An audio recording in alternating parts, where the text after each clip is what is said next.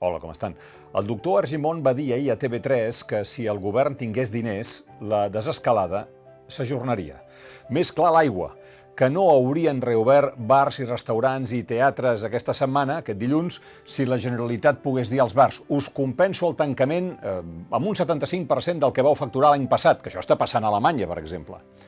Hores més tard del comentari del doctor Argimon, que, recordem-ho, és el cap de Salut Pública i deu pensar que ha d'explicar que ha alleugerit les restriccions en contra del que aconsellaria la gestió més prudent de la pandèmia, els consellers Samper i Vergés van dir-ho també amb la mateixa claretat. Total, que una de les regions riques d'Europa, com és Catalunya, no pot ajudar la seva gent quan més ho necessita.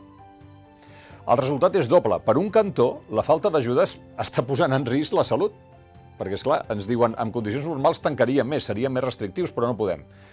I segon, com directament eh, de la falta d'ajudes en resulta un empobriment dels catalans del que costarà sortir-ne, ja em diran quin negoci estem fent, amb un agreujant, que cal posar a dalt de tot. L'estat on Catalunya paga impostos i on se'n van milers de milions d'euros cada any del nostre esforç fiscal, tampoc no la pot ajudar. Doncs vostès mateixos, aquesta evidència ens esclata a la cara just quan el vot d'Esquerra Republicana als pressupostos generals de l'Estat ha fet saltar la Comunitat de Madrid. Madrid, per exemple, manté la bonificació del 100% de l'impost del patrimoni des del 2008, que aquí paguem religiosament, com diu el tòpic. Com ho fan? Bueno, si tu ets la capital de l'Estat, concentres inversions de l'Estat, et beneficies de l'efecte capitalitat, que vol dir que les empreses, per exemple, se t'instal·len, i això vol dir també, per tant, eh, més impostos. Et beneficies tant dels impostos com dels pressupostos generals de l'Estat. De manera que aquells impostos que depenen de tu no cal que pugin. Al contrari, fins i tot et pots permetre el luxe de competir per a baixar-los. És clar, el, el que diuen a Madrid és que mm, no, que ells no fan això, que senzillament menys impostos generen més recaptació. Però això, que podria o no ser veritat sobre el paper, no amaga el debat de fons. Madrid xucla riquesa, només cal veure com ha buidat les dues castelles.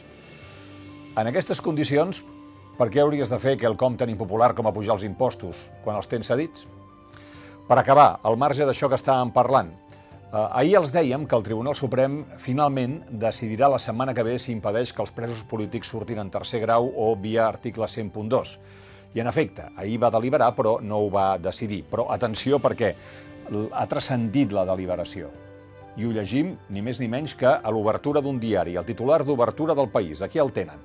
Els magistrats s'inclinen per estimar el recurs de la Fiscalia contra el tercer grau dels líders independentistes per la seva falta de penediment ho tornarem a fer, un lema allunyat del penediment. El tribunal s'agafa a una valoració estrictament judicial. Hi va haver un delicte greu, no hi ha hagut penediment i, per tant, ara no puc excarcerar-los o no puc aplicar-los beneficis penitenciaris. Però, és clar, tothom sap que posar les urnes no pot ser un delicte, que manifestar-se davant d'economia no pot ser delicte, i el ho tornarem a fer es refereix exactament a això, a votar, insistir a votar perquè els catalans puguem decidir el nostre futur. És greu que en un estat democràtic es parli de penediment a la intenció de votar com si es parlés d'un delicte de sang. Fins i tot un fiscal tan important al cas com Zaragoza ha parlat aquesta setmana de tornar a convertir en delicte la convocatòria il·legal d'un referèndum. Amb aquesta visió jurídica del problema, desapareix la política. I el que és pitjor, desapareix la democràcia. Però encara hi ha una cosa pitjor, que és que no desapareix el problema. Al contrari, es fa més gros. El nostre reconeixement pels que treballen a primera línia, un record pels que pateixen, pels presos polítics, pels exiliats i que tinguem un bon dia.